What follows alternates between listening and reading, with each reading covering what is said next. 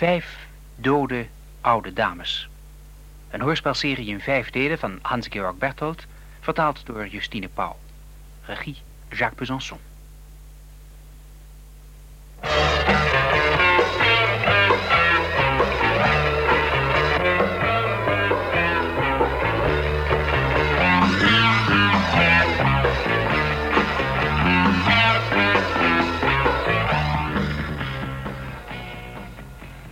Ik las lusteloos alles door elkaar. Zag monarchen in functie met hun vrouwen en afgezetten met hun vriendinnen. Sportidolen, popsterretjes en overstromingen. Er lag ook een provinciaals krantje. Het platteland had ook heel wat te bieden. In de bijlage stond een roman, als de klokken luiden. En helemaal achteraan stond een kort verhaal. Mr. Crane gaat aan land. Ik begon te lezen. Het verhaal boeide me zo dat ik mijn hele omgeving vergat. Het was een kort verhaal, zoals elke dag in miljoenen andere kranten. Maar door het lezen van dit verhaaltje rees er plotseling bij mij het vermoeden dat Mechtil Stante niet gewoon gestorven was, maar vermoord. Ik las lusteloos alles door elkaar. Zag monarchen in functie met hun vrouwen en afgezetten met hun vriendinnen. Sportidolen, popsterretjes en overstromingen. Er lag ook een provinciaals krantje het platteland had ook heel wat te bieden. In de bijlage stond een roman, als de klokken luiden. En helemaal achteraan stond een kort verhaal. Mr. Crane gaat aan land. Ik begon te lezen. Het verhaal boeide me zo dat ik mijn hele omgeving vergat. Het was een kort verhaal, zoals elke dag in miljoenen andere kranten. Maar door het lezen van dit verhaaltje rees er plotseling bij mij het vermoeden dat Mechtils tante niet gewoon gestorven was, maar vermoord. Het moest net zo gegaan zijn als in het verhaal dat ik hier in de wachtkamer gelezen had, op de laatste pagina van een onbeduidend provinciekrantje. Misschien had de moordenaar hier ook gezeten, dagen geleden. Had op meester Kromhout gewacht, hetzelfde verhaal gelezen en het fatale idee gekregen. Maar ik moest het kunnen bewijzen. En nog iets. Er waren nog twee oude dames voor Mechtilstante gestorven. Onder normale omstandigheden. Ik had persoonlijk een van de overlijdensakten opgesteld. Geen twijfel omtrent de natuurlijke doodsoorzaak. Geen twijfel. Toen nog niet, nee. En nu? Ik schrok toen mijn naam afgeroepen werd. Het was de stem van het meisje met de stralende ogen. Ze kwam uit de luidspreker boven de deur. Haastig vouwde ik het krantje op en frommelde het in mijn binnenzak. Ik verliet de wachtkamer door de tweede deur en stond in een door neonbuizen verlichte gang. Ik liep een paar deuren voorbij. Links achteraan was nummer één. Ik controleerde nog even of de krant niet uit mijn binnenzak stak. Toen klopte ik op de deur en stapte naar binnen. Kromhouts brillenglazen fonkelden me tegemoet. Dokter Klein, hoe maakt u het? Gaat u zitten. Wat voert u hierheen, beste dokter? Het spijt me dat ik u nu nog lastig moet vallen, maar ik kan moeilijk eerder weg. U weet hoe dat bij ons gaat. Natuurlijk. Ik hoop dat u niet net zo'n treurige reden hebt. Onlangs vroeg u mij naar de doodsoorzaak van mevrouw Jenny Herwig. Mhm. De dag daarop stierf de tante van mijn assistente, mevrouw Bertha van Scherf, Wendelstraat 8. Ik maakte kennis met haar huisarts. Later hoorde ik van hem dat u ook naar dit geval geïnformeerd hebt. Dat is geen geheim. En daarna hoorde ik van een collega dat u ook bij hem geweest zou zijn. Vanwege een andere oude dame, mevrouw Wiebach, acht weken geleden. Dat klopt. Maar wat heeft u... U vraagt zich af wat ik daarmee te maken heb. Datzelfde heb ik me ook afgevraagd wat u betreft. Het komt niet zo vaak voor dat advocaten naar doodsoorzaken informeren. Dat doet de politie meestal, of de familie, of de geneeskundige dienst. Dat vraag ik me inderdaad af, dokter Klein. Nieuwsgierigheid is weliswaar een menselijke eigenschap... maar ik vind dat de uur toch een beetje te ver gaat. En ik moet u om begrip vragen als ik zeg dat ik u over deze aangelegenheid geen inlichtingen kan geven. Kan ik verder nog iets voor u doen? Ja, ik vraag me af of u in mijn geval niet een uitzondering zou kunnen Waarom maken. zou ik? Ik zie geen enkele aanleiding. Ik weet dat deze oude dames elkaar al vanaf de schoolbanken kennen. Ik heb twee keer een foto gezien waar ze allemaal op staan. Er moet een verband bestaan. Twee van de oude dames leven nog. En één daarvan is een patiënt van mij, mevrouw Lensum. De andere, mevrouw Lindeman, zal het worden. Ik ben tamelijk nauw bij de zaak betrokken, zoals u ziet. Ik draag de zorg voor twee oude dames tot het moment dat u weer komt opdagen... om me naar de doodsoorzaak te vragen. Ik herhaal, ik kan u geen inlichtingen geven. Meneer Kromhout, wie krijgt het geld als ze allemaal dood zijn? Ik heb aan mijn woorden niets meer toe te voegen. Mijn tijd is helaas beperkt, dokter Klein. Het gaat toch om het geld, nietwaar? In ieder geval hartelijk dank dat u me te woord hebt willen staan. Tot ziens. Tot ziens. Tot het volgende sterfgeval op zijn laatst.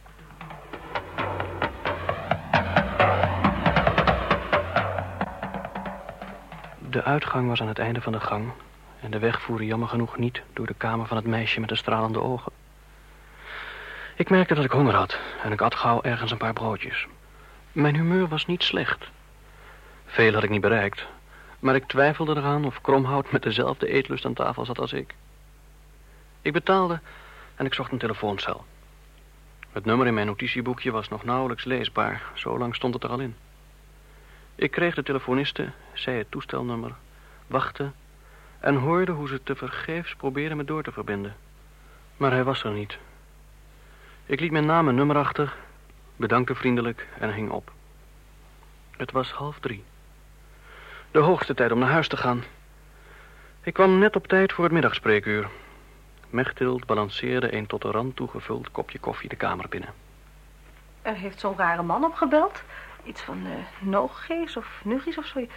Hij vroeg of u nog steeds aan het lunchen was. En toen wilde hij weten hoe ik eruit zag. Heb je het hem verteld? Natuurlijk niet. Had je rustig kunnen doen. Hij komt er toch wel achter. Hij is bij de politie. Heeft u iets uitgeprikt? Nee. Nee, het is een oude schoolvriend van me. Hmm. Hij stond nogal dom te gniffelen. Oh, dat doet hij altijd. Eh, Belt hij weer terug? Ja, om vijf uur. Maar zegt u hem alstublieft niet hoe ik eruit zie. Ik kijk wel uit. En laat nu de patiënten maar los. Nou, er is niet zoveel te doen vandaag. Noogis telefoontje kwam net in een rustige periode. Mechtild was ook in de spreekkamer. Verlangde je namen? Wat had jij te eten? Een carbonaatje. Kantinemenu nummer 4. En jij?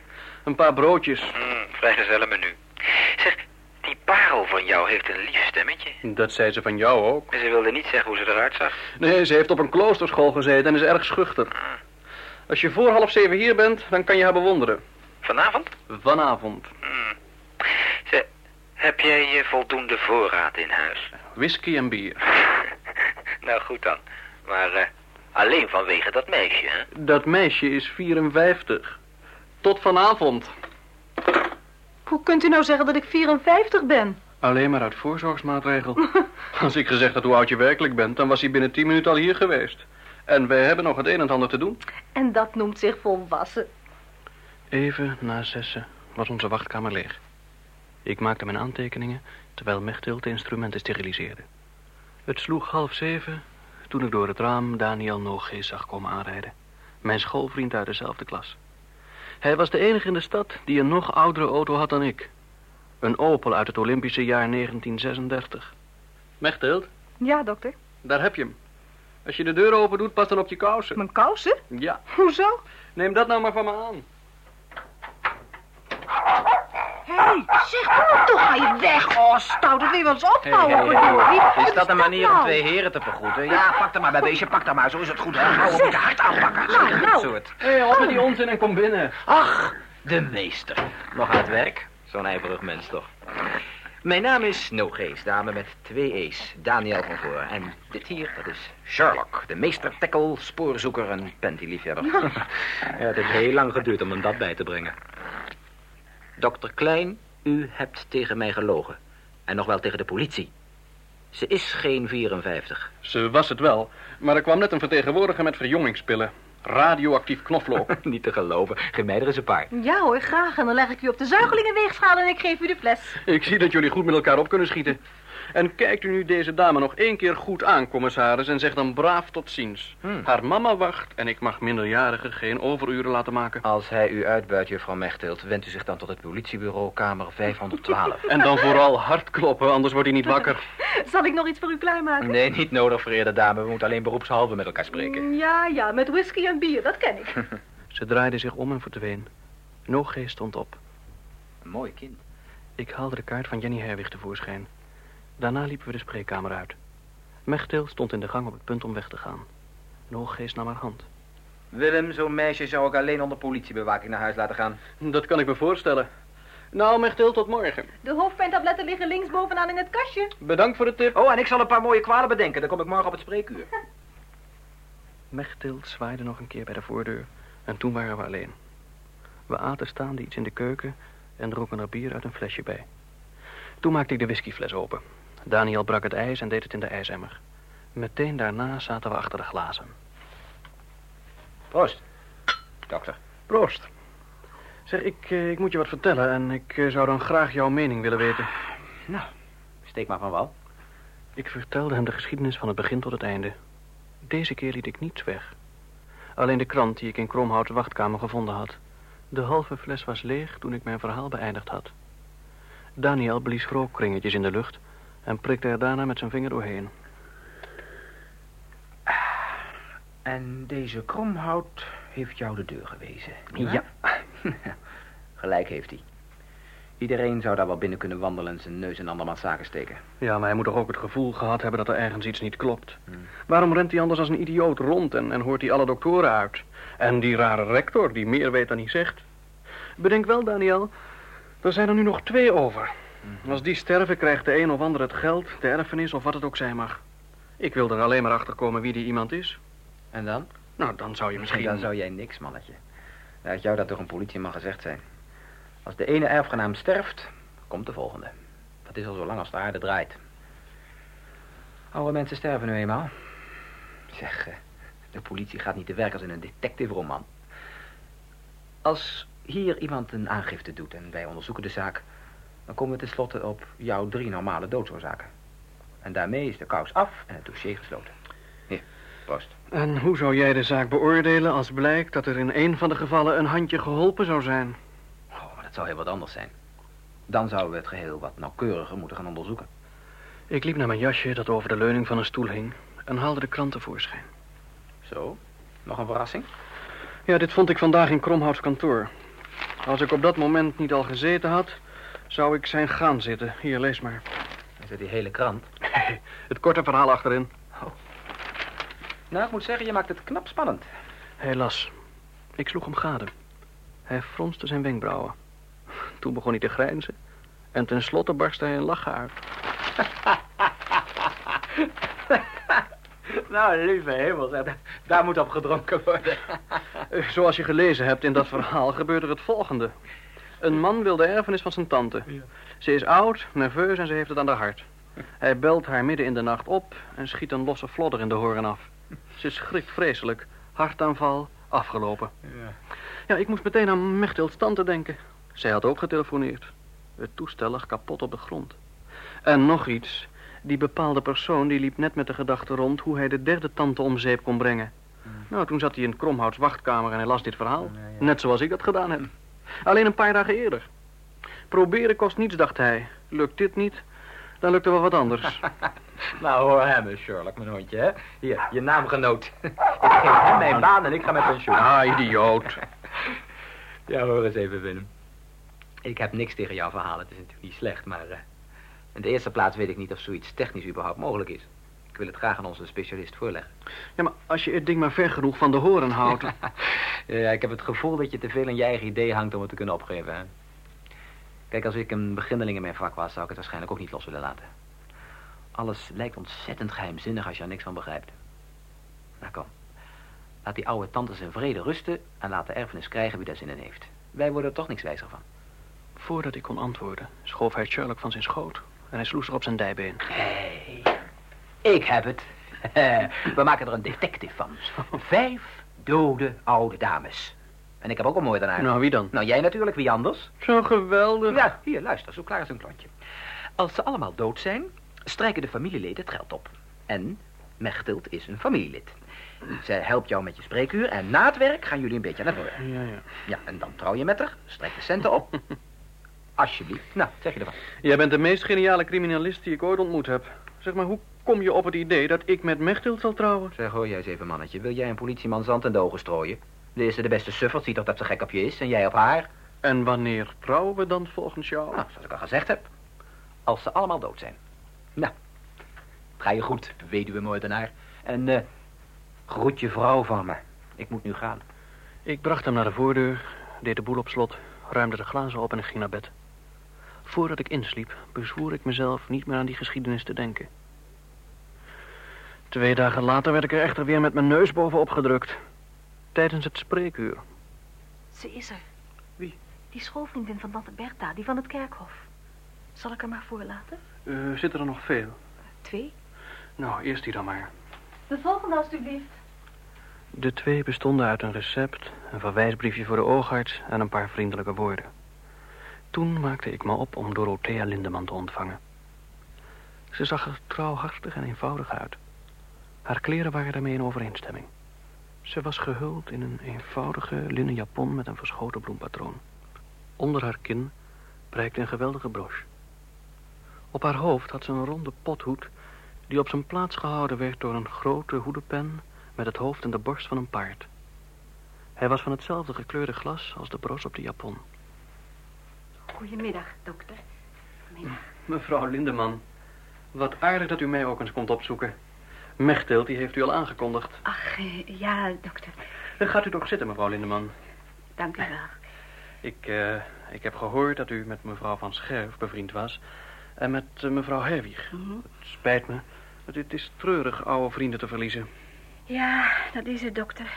En zo snel naar elkaar. Weet u, we zaten samen op school in dezelfde klas. Nou ja, wat mijn persoontje betreft, eh, ik ben er maar twee jaar bij geweest. Eh, toen ben ik namelijk blijven zitten en toen ben ik van school afgegaan. Ach, het, gymnasium was niks voor mij, weet u. Maar de anderen hebben me niet vergeten. Ze hebben me steeds geschreven en we hebben elkaar steeds ontmoet. We hebben elkaar nooit uit het oog verloren. Ja, toen stierf Alma. Mevrouw Wiebach. Maar die zult u wel niet gekend hebben. Ja, ze stierf heel plotseling. Hoe, lang is dat nou weer geleden? Nog, nog niet zo lang. En toen Jenny, mevrouw Herwig. Ja, en nou Bertha, de tante van uw assistente. Maar er is met u toch niets aan de hand als ik u zo bekijk? Nee, gelukkig niet, dokter. Oh, laat ik het afkloppen. Nee, ik mag niet klagen. Ik ben altijd gezond geweest. Mijn vader is 92 geworden. Denkt u dat eens in? Ja, ze worden allemaal zo oud in de familie. Dat zult u beslist ook klaarspelen, mevrouw Lindeman. Nou, ik, weet het niet, dokter. Ach, na alles wat er nou gebeurd is, je wordt toch een, een beetje bang. Nee, niet dat ik me zorgen maak, maar ik, ik ben in geen tijden bij een dokter geweest en daarom wilde en daarom ik me nu... wilde u zich nu een keer grondig laten onderzoeken, ter geruststelling. Ja, zo is het precies, dokter. Nou, dat doen wij graag, mevrouw Lindeman. Maar eerst wil ik een paar gegevens van u hebben. Wat is uw voornaam? Dorothea. Anna Dorothea. En wanneer bent u geboren? 6 juni 1896. Oh, maar dan bent u gauw jarig. Ja, dat duurt niet lang meer. Ach, vroeger kwamen was er iemand jarig, was altijd bij elkaar. Oh, dat is een goede gewoonte. Uh, wat is uw meisjesnaam? Me meisjesnaam? Mm -hmm. Oh, Lindeman. Ik ben nooit getrouwd geweest. Mijn verloofde is in 1914 gesneuveld en sindsdien... Uh, hoe bent u verzekerd, mevrouw Lindeman? Ziekenfonds, dokter. Bent u wel eens ziek geweest? Een ongeluk gehad, operaties of de een of andere ernstige ziekte? Nee, als kind heb ik kinkhoest gehad. En daarna wilden ze mijn amandelen eruit halen. Maar tenslotte bleek het niet nodig. Nee, nee, ik ben steeds gezond geweest. En dan heb ik al meer gehad dan u, mevrouw Lindeman. Zo, en kleed u zich nu maar even uit. Dan kunnen we eens kijken of alles in orde is. Graag, dokter. Ze frommelde opgewonden aan haar hoed en trok de paardenpen eruit. Een angstaanjagend ding. Het was ongeveer 15 centimeter lang met een dreigende punt. En de schacht verbreedde zich als een oude Venetiaanse dolk. Dat de hoed daartegen bestand was. Ik was gauw klaar met Dorothea. U hebt hopelijk niks ernstigs gevonden, dokter? Nou, nu valt niets te verdienen. Werkelijk, dokter? Werkelijk. Maakt u zich geen zorgen, er is werkelijk niets te vinden. Oh, ja, wat, wat ben ik daar blij om. Nou, ik schrijf u een paar tabletten voor met alle vitamine erin. En verder leeft u, leeft u gewoon door zoals u gewend bent. Alleen, alleen niet te dik worden. Nee, nee, nee. Ik, ik, ik neem met het eten al een acht. Maar, maar, maar koffie, dat, dat mag ik toch wel drinken, Dat hè? mag. Alleen niet uh, zulke sterke. Zo, hier is uw recept. Iedere dag één tablet is voldoende. En mocht er iets zijn, mevrouw Lindeman, dan komt u maar gerust. Hartelijk dank, dokter. Heel erg bedankt. En ik, ja, ik, ik Uh, bedoel... hebt u nog iets op uw hart, mevrouw Lindeman? Ja, ne- ne- neemt u het me maar niet kwalijk eh, als ik het nog een keer vraag. Met, met mijn hart is, is dus alles in orde. Er is niets te vinden. Het loopt als een uurwerk. En ook uw bloeddruk, die is prima. Oh, dit, dit is alleen maar omdat... Jenny en Bertha, die, die, die zijn...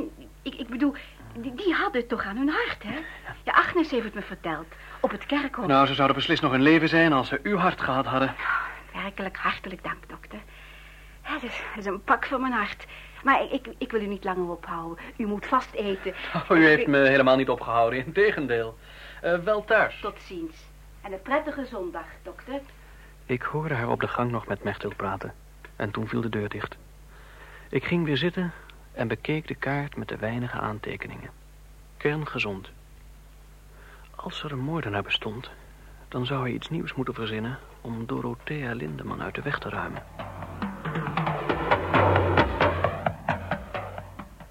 Toen Dorothea weer terugkwam, was ze niet meer zo gezond. Mechtild zei het me tussen twee patiënten door. Het was tien dagen na haar eerste bezoek. Mevrouw Lindeman zit in de wachtkamer. Volgens mij is er iets met haar aan de hand. Wat? Ik weet niet. Ze ziet eruit of ze koorts heeft. Met één klap waren alle boze spoken er weer. Tien dagen geleden niets te vinden en vandaag koorts. Bij Alma Wiebach was het ook met koorts begonnen. Mechtild's stem drong tot me door. Trekt u zich dat zo aan? Ja, dat trek ik me aan. Allee, laat haar binnen. Maar er zitten nog drie... Nou, hou die maar even aan de praat. Vooruit, laat haar binnen. Zoals u wilt. Dorothea kwam. Ze was bleker dan tien dagen geleden. Toen ze dichterbij kwam, zag ik de fijne zweetdruppeltjes op haar voorhoofd. Daar ben ik dan weer, dokter. Wat is er aan de hand? Ik, ik wilde helemaal niet komen, dokter. Het is nauwelijks de moeite waard. Ik, ben zondag wat gaan wandelen. Toen begon het plotseling te regenen. Ik moet een kou gevat hebben. Sinds twee dagen heb ik wat pijn in mijn keel. Ik had nog iets om te gorgelen. Dat hielp erg goed. Maar vandaag heb ik koorts. Heeft u dat opgenomen of denkt u dat nee, u... Nee, ik heb het opgenomen. Ah. 38, 2. Ik onderzocht haar grondig. De keel was wat rood, maar verder vond ik niets. In de longen was niets te horen.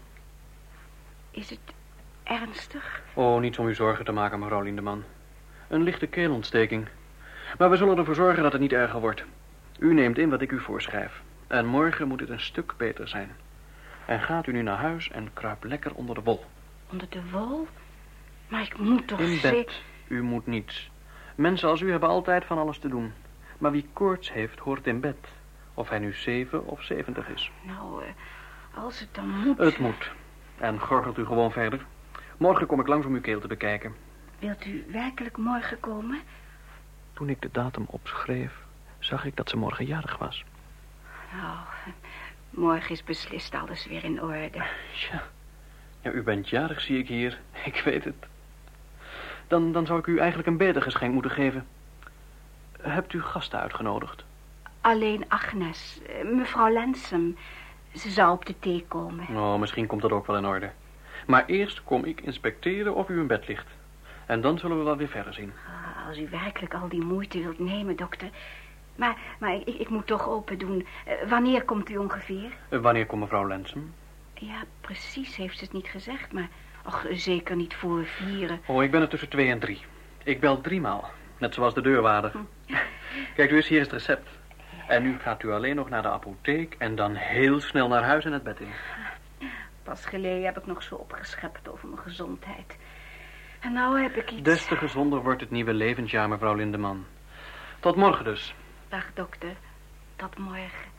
Ze knikte me nog één keer toe met een stille, onderdanige glimlach. De paardenkop op haar hoed bewoog mee en fonkelde bruinig in het middaglicht.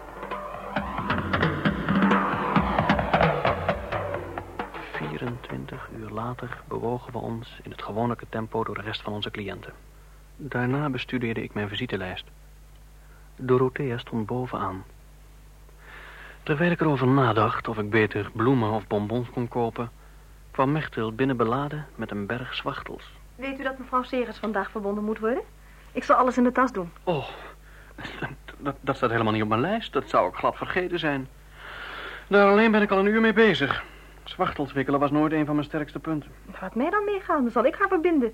Ondertussen rijdt u de andere adres af en u pikt me dan weer op. Ja, dat zou een mogelijkheid zijn. Help me onthouden dat ik in je getuigenschrift zet. Ontwikkeld eigen initiatief. en bovendien kan je meegaan naar onze Dorothea en haar feliciteren met haar verjaardag. Is ze vandaag jarig? Ja, En we moeten nog een bloemetje kopen. Zeg, heb jij plannen voor de lunch? Tot nu toe nog niet. Is je moeder er nog? Nee, die kan niet eeuwig hier blijven. Ik ben alleen. Niet bang? Beetje? Nou, dan stel ik het volgende voor. Ik maak mijn aantekeningen, jij ruimt op en dan gaan we samen iets eten. En daarna halen we wat bloemen en dan beginnen we bij Dorothea. En dan werken we de rest af. Goed? Goed. Paragrafen. Een grote deur ernaast leek op de ingang van een berghok. Er was geen geluid te horen. Ook op de eerste verdieping kwam er één deur uit. Toen stonden we voor de bovenste deur. Op een smal porseleinen plaatje stond Dorothea's naam. Geschilderd in keurige schuine letters, zoals in een schoolschrift uit de derde klas. Mechtild had mijn tas op de grond gezet. Het vloeipapier van de plant die ik voor de jarige Dorothea gekocht had, kriebelde onder mijn kin. We wachten. Er gebeurde niets. Ze slaapt waarschijnlijk. Ik keek haar aan en hoopte dat de vrees die me plotseling overviel niet op mijn gezicht te lezen zou zijn. Toen schoot me te binnen dat ik haar gezegd had drie keer te zullen bellen. Natuurlijk, dat was het. D dat kon het alleen maar zijn. Ze wachtte op het teken.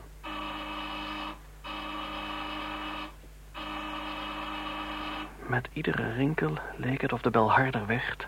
als een sirene die steeds dichterbij komt. Ze hoort niets.